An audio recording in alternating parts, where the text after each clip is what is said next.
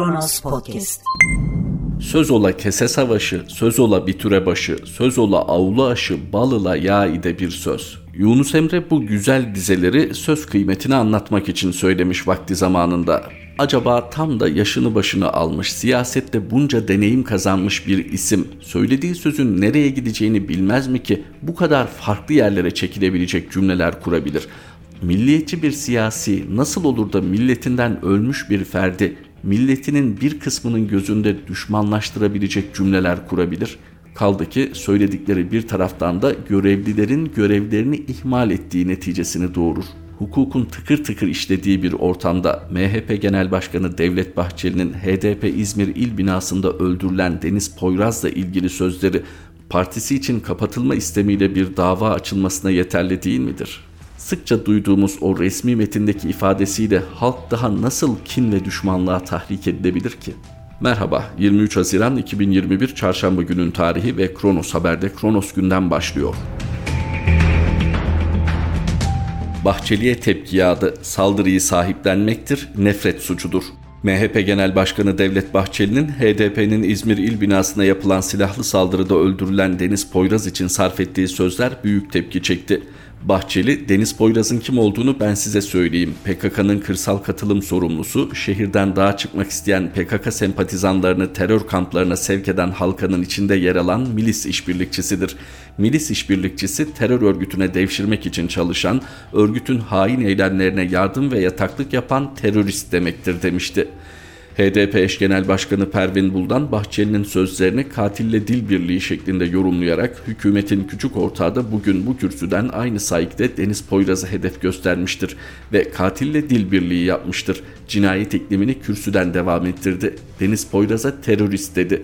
Deniz'in babasını ve ailesini hedef göstermiştir ve sadece Deniz'i ve ailesini değil bu ülkede HDP'ye oy veren milyonları hedef gösterdi ve Deniz'e sahip çıkan milyonları hedef gösterdi neden daha fazla HDP'li öldürülmedi diye adeta yakındı.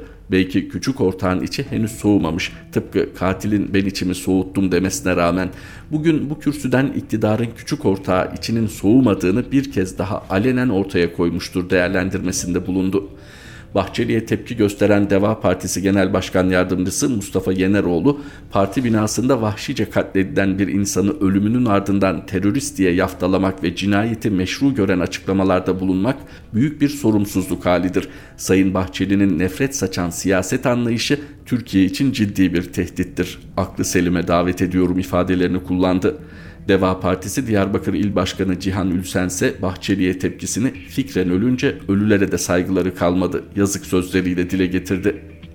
Siyaset bilimci Burak Bilgehan Özpek ise Türkiye'nin devletsizlik krizi içinde olduğunu kaydederek öyle bir devletsizlik vaziyeti içindeyiz ki kişi hayattayken suçlu olduğunu bilmiyor, öldürüldükten sonra oluşan siyasi sürece göre suçlu veya suçsuz olduğuna siyasetçiler karar veriyor. Devlet diye diye devlet nasıl yıkılır onu bizzat yaşıyoruz ifadelerini kullandı.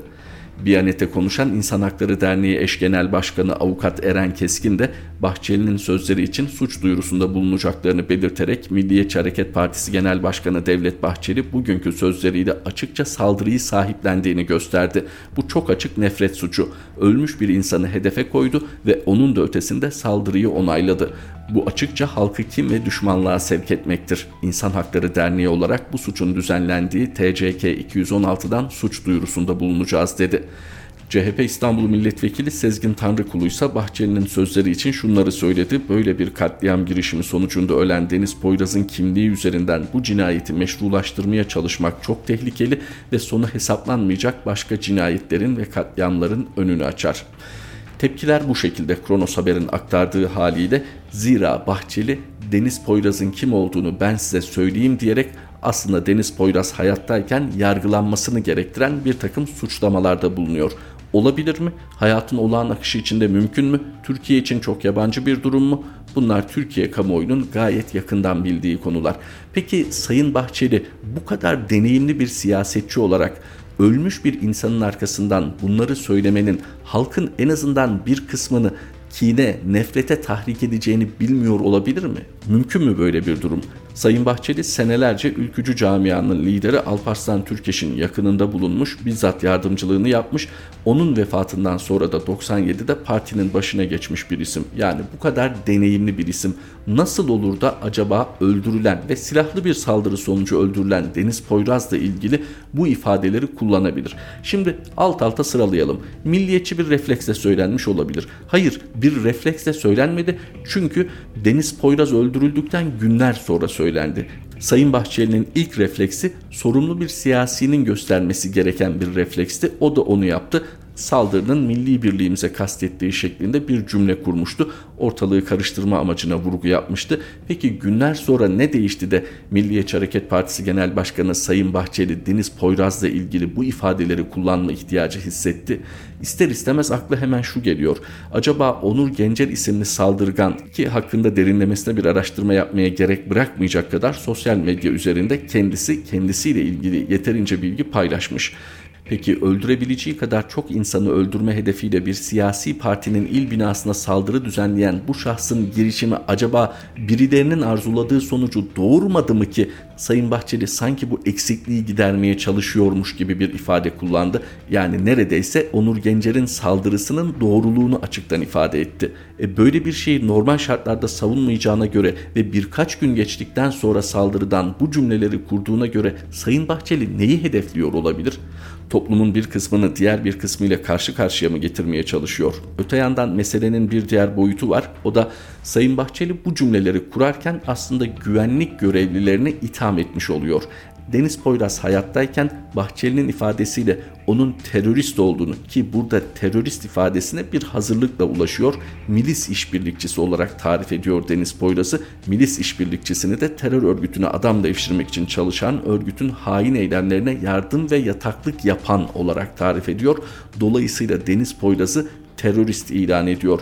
Peki sağlığında böyle bir soruşturma olmuş mu? Deniz Poyraz sağlığında böyle bir ithamla yargıç karşısına çıkarılmış mı? Yani şunu anlıyoruz. Sayın Bahçeli bir açık kaynaktan edinmemiş bu bilgileri. Kendisine gerek Emniyet İstihbarat gerekse Milli İstihbarat Teşkilatı tarafından bir bilgi notu sunulmuş olabilir. Sayın Bahçeli buna nasıl ulaşabiliyor? Nasıl kendisine böyle bir not verilebiliyor? Bu ayrı bir tartışma konusu. Hoş bu bir tartışma konusu da değil. Sayın Bahçeli ve temsil ettiği ekolün istihbaratla yakın ilişkileri olduğu sır değil tabii ki.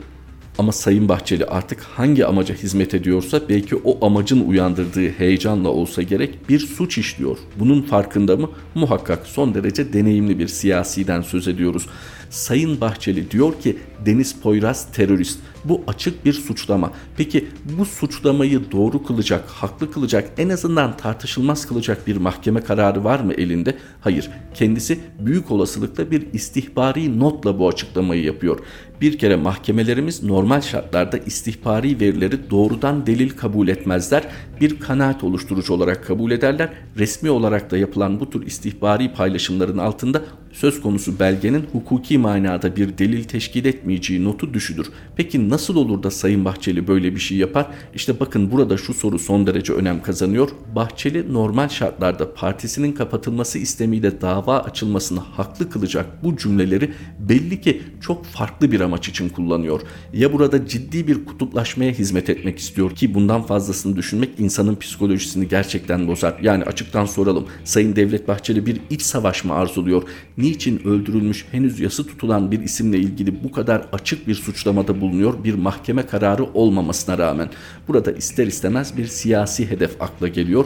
O da eğer bir seçim hazırlığı varsa ki bir seçim önünde sonunda olacak. Hani şartlar anormalleşmediği takdirde o halde Sayın Bahçeli burada HDP'yi bu kadar düşmanlaştırarak, öldürülen bir kadın üzerinden dahi düşmanlaştırarak Millet İttifakı'na dahil olma ihtimalini mi ortadan kaldırmak istiyor ki hali hazırda CHP'nin de İyi Parti'nin de HDP ile aralarında belirgin bir mesafe bulundurmak istedikleri çok açık. Buna rağmen o ihtimali de ortadan kaldırmak istercesine Sayın Bahçeli bu kadar ağır ifadeler kullanılabiliyor. Şunun altını çizelim. Mevcut mevzuatta Sayın Bahçeli'nin kurduğu cümleler tam da halkı kim ve düşmanlığa tahrik suçundan partisiyle ilgili kapatma istemiyle açılacak bir davayı da haklı kılar mahiyette. Tabii ki mevcut şartlarda diyoruz. Bir taraftan da suçların kişisel çerçevede değerlendirilmesi gerektiğini, tüzel kişiliğin bütünüyle ilgili bir hüviyet kazanmadığı sürece parti kapatmanın da pek demokratik bir yaklaşım olmadığı vurgusuyla belirtiyoruz. Umarız Sayın Bahçeli bu ifadeler üzerine bir kez daha düşünür. Bu ifadelerin getireceği hiçbir siyasi kazanımın o insanları incitmeye değmeyeceğini tez vakitte fark eder. Mersin limanında 463 kilogram kokain yakalandı. Ticaret Bakanı Mehmet Muş, Mersin Limanı'nda 463 kilogram kokain yakalandığını duyurdu. Bakan Muş, Twitter hesabından yaptığı paylaşımda bu gece Mersin Limanı'nda Ticaret Bakanlığımıza bağlı gümrük muhafaza ekiplerimizin dikkatli çalışmaları neticesinde 463 kilogram kokain ele geçirilmiştir. Görevlerini başarıyla yerine getiren gümrük muhafaza ekiplerimizi tebrik ediyorum. Zehir tacirlerine asla geçit vermeyeceğiz.'' Mersin Limanı'nda 16 Haziran tarihinde de 1 ton kokain yakalanmıştı hatırlatmasında bulunuyor Kronos Haber. Bu haberi daha anlamlı kılan aslında Sedat Peker'in paylaşımı onu da aktarıyor Kronos. Organize suç örgütü lideri olmakla suçlanan Sedat Peker yakalanan kokainlerin imha edilmediğini ve lüks rezidanslarda satıldığını iddia etti. Peker sosyal medya paylaşımında kokainlerin imha edilmediğini belgeleriyle ortaya koyacağını belirtti. Sedat Peker ispatıyla ve keyifle paylaşacağını belirtti sosyal medya hesabında. Son günlerde kokain yakalanıyor ve yakalanan kokain de ciddi bir miktarda. O kadar ciddi miktarda ki bedeli bir servet. İşte Sedat Peker de çok ilginç bir paylaşımda bulunuyor. Normalde hatırlatalım emniyet ne yapar? Savcılık gerekli düzenlemeyi yaptıktan sonra ve mesele hukuka intikal ettikten sonra bu uyuşturucu imha edilir. Fakat Sedat Peker diyor ki bu uyuşturucu imha edilmiyor. Onun yerine diş sağlığında kullanılan kimi malzemeler imha ediliyor. O uyuşturucuysa avcılar başta olmak üzere bir takım rezidanslarda şehir içindeki lüks dairelerde satılıyor, orta düzey torbacılara ulaştırılıyor. Bakınız iddiada bulunan Sedat Peker herhangi biri değil, organize suç örgütü lideri Sedat Peker. O halde lütfen kimse burada kalkıp da bir çete liderinin iddialarını mı ciddiye alacağız aymazlığında bulunmasın. Tam da Sedat Peker'in dediği gibi kirli işleri kirli insanlardan öğrenirsiniz. Emniyetten bahsediyoruz. Sedat Peker bunları biliyorsa emniyette kimi yöneticilerin bunları bilmemesi mümkün mü? Bilindiği halde devam ediyorsa akla bir tek ihtimal gelir. Hele hele son zamanlarda Kolombiya menşeli ya da genel itibariyle Orta ve Güney Amerika menşeli kokainin Türkiye üzerinden Asya ve Avrupa'ya pazarlandığı iddiaları söz konusu.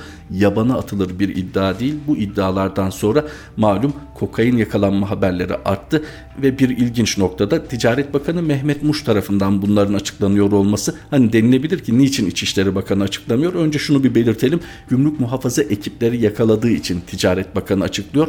Fakat şu iddiayı da yabana atmamak lazım. Mehmet Muş'un Berat Albayrak'la yakınlığı düşünülerek acaba acaba bu yakalanan kokain haberleriyle birlikte Süleyman Soylu'nun eli iyice zayıflatılarak yerine Mehmet Muş mu hazırlanıyor? Malum böyle de bir takım iddialar var. Bu haberi de paylaşan Ticaret Bakanı Mehmet Muş. Cumhurbaşkanlığı hükümet sistemine geçiren yeni dönemi kimileri yeni Türkiye olarak adlandırmayı seviyor. Fakat yeni Türkiye'de gündemi kimlerin belirlediğini düşünürsek yeni rejimle ilgili de 3 aşağı 5 yukarı bir fikir sahibi olabiliriz. Bakınız organize suç örgütü liderlerinden tutun da uluslararası kara para trafiğinde rol alanlara kadar kimler belirliyor ülkede gündemi. Sezgin Baran Korkmaz'dan bahsediyoruz tabii ki. Avusturya'da şu an Amerika Birleşik Devletleri'nde mi yargılanacak, Türkiye'de mi yargılanacak başlı başına bir soru işareti. Fakat Türkiye açısından sorunun bir başka boyutuna işaret ediyor Turhan Bozkurt. Diyor ki Sezgin Baran Korkmaz bankaları da yaktı. Halkbank'ın kara para aklamak suçundan sanık sandalyesinden henüz kalkmadığı bir dönemde Sezgin Baran Korkmaz'ın aynı suçtan Avusturya'da yakalanması Türkiye'de faaliyet gösteren bankalar namına endişe verici. Kirli para trafiğinde rol alan bankalar yüz milyonlarca dolarlık para cezalarına maruz kalabilir.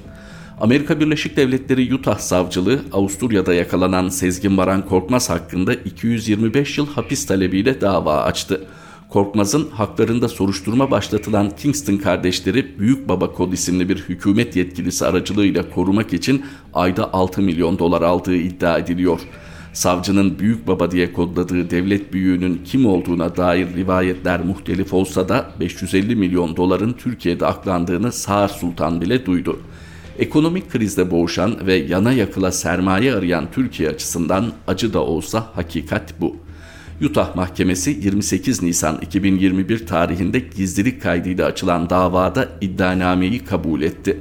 15 sayfalık iddianamede Korkmaz'a kara para aklamak ve dolandırıcılık başta olmak üzere 12 ayrı suç yöneltildi. Korkmaz 1 Temmuz'a kadar Avusturya'da gözaltında tutulacak. Türkiye iade için Avusturya nezdinde müracaatta bulundu. Korkmaz'ın avukatı hapis cezası olmadığı için Türkiye'de yargılanmak istiyor dese de nihai kararı Avusturya Mahkemesi verecek. Korkmaz'ın ömrünün geride kalan yıllarını nerede ve nasıl geçireceğini Amerika Birleşik Devletleri'nin tavrı belirleyecek. Haberlerin satır aralarında kıyasıya bir pazarlık olduğunu ele veren ipuçları dikkatten kaçmıyor. Organize suç örgütü lideri Sedat Peker'in ifşaatıyla birleştirildiğinde büyük fotoğraf belirgin hale geliyor.'' Sezgin Baran Korkmaz özellikle saray için sır küpü, servetin el değiştirme operasyonunda kara kutulardan biri. Böyle bir kozun Amerika'nın eline geçmemesi için kapalı kapılar ardında hangi tavizlerin verilebileceğini tahmin etmek bile zor. Davaya paralel olarak Sezgin Baran Korkmaz'ın bütün işlemleri mercek altına alınacak. Olağan şüpheli kategorisinde ilk sıradaysa bankalar ve diğer mali kuruluşlar var.'' SBK Holding'in hisse devirlerinden para transferlerine kadar her işleme bir banka onay verdi. Bankacılık Düzenleme ve Denetleme Kurumu'ndan Mali Suçları Araştırma Kurulu'na, Sermaye Piyasası Kurulu'ndan Rekabet Kurumu'na, Merkez Bankası'ndan Hazine'ye kadar bütün kurumlara rağmen 550 milyon dolar tutarında kara para nasıl aklandı? Bankalar şüpheli her işlemi beyan etmek mecburiyetinde. Yurt dışından gönderilen 1000 avro için alıcının 7 ceddini araştıran bankalar hiç mi şüphelenmedi? Herhangi bir ticari hikayesi olmayan birinin bu kadar parayı nasıl Türkiye'ye getirdiği hiç kimsenin dikkatini çekmedi mi? Masak ve Milli İstihbarat Teşkilatı Türkiye'yi dünya nazarında bir kere daha mahcup eden, kara parayla yan yana getiren SBK skandalına niye mani olmadı, olamadı?'' 2020 yılı Eylül ayında bütün mal varlığına tedbir konulduğu halde önce mal varlığı üzerindeki temlik kaldırılan 5 Aralık 2020'de elini kolunu sallaya sallaya yurt dışına çıkmasına göz yumulan Sezgin Baran Korkmaz'ın siyasi irtibatlarının üzerine gidilecek mi? Kara para soruşturması devam ederken Korkmaz Yargıtay 7. Ceza Dairesi üyesi Tekman Savaş Nemli ile Tavacı Recep Usta'da kebap yiyebildiğine göre Türkiye'de kara para trafiğinde yargı mensuplarının rolü araştırılacak mı?'' Hali hazırda Halkbank kara para aklamak suçlamasıyla Amerika'da sanık sandalyesinde. SBK skandalı Türkiye'nin kara para aklama üstüne dönüştüğüne dair endişeleri daha da artıracak. Kara para yasa dışı faaliyetler sonucu elde edilen para, mal veya değerler olarak tanımlanıyor. Söz konusu gelirlerin kaynağını ekseri Kara para yasa dışı faaliyetler sonucu elde edilen para, mal veya değerler olarak tanımlanıyor. Söz konusu gelirlerin kaynağını ekseriyetle uyuşturucu ve psikotrop maddeler, silah kaçakçılığı, patlayıcı madde, kadın ve çocuk ticareti teşkil ediyor.'' Kara para kanun dışı yollardan kazanılan gelirleri kanuni bir kılıfa büründürmek, onların kaynağını gizlemek veya şeklini değiştirmek için aklanma işlemine tabi tutuluyor. Korkmaz'ın tasarruf mevduatı sigorta fonundan Borajeti, İnan Kıraç'tan Hexagon şirketini ve biyofarma ilacı satın aldığı artık sır değil. Hatta Japon otomotiv devi Honda'dan Gebze tesislerini 550 milyon liraya almanın eşiğine gelmişti. Kara para aklama faaliyetinin en kritik safhası halkla ilişkiler safhasıdır. Türkiye gibi paranın tek geçer akçe olduğu bir memlekette bundan kolay ne var? İmajını parlatma işini de Veys Ateş'ten Rasim Ozan Kütahyalı'ya onlarca gazeteci üstlendi. 13 Kasım 1996 tarihinde kara paranın aklanmasının önlenmesine dair 4208 sayılı kanun yürürlüğe girdi. Hem bu kanun hem de bankacılık kanunundaki yükümlülüklere rağmen 550 milyon dolarlık bir kara para aklama faaliyetinin yıllardır nasıl yapıldığı izaha muhtaçtır. Avrupa Birliği Komisyonu'nun kara parayla mücadelede Türkiye'ye verdiği ev ödevlerinin niçin hep yarına ertelendiğini SBK skandalı bir kere daha ispat etti. Bu yüzden İsveç'te birçok banka Türkiye'ye hesap üzerinden para transferini yasakladı. Gerekçe kara para aklama suçuna ortak olmamak. Birkaç banka üzerinden para gönderilebiliyor. Onlar da para transfer ücretini 250 krona çıkardı. Türkiye'nin sicili bankaların sicilini de belirleyecek. Sezgin Baran Korkmaz'la irtibatlı şirket, banka, resmi kurum ya da kuruluş Amerika'nın kara listesine çoktan girdi. Belki de Amerikalı Kingston kardeşlerle ortakları Sezgin Baran Korkmaz'dan aylık 6 milyon dolar rüşvet alan büyük baba ortaya çıkıncaya kadar kirli oyunda feda edilen piyonlar teselli ikramiyemiz olacak.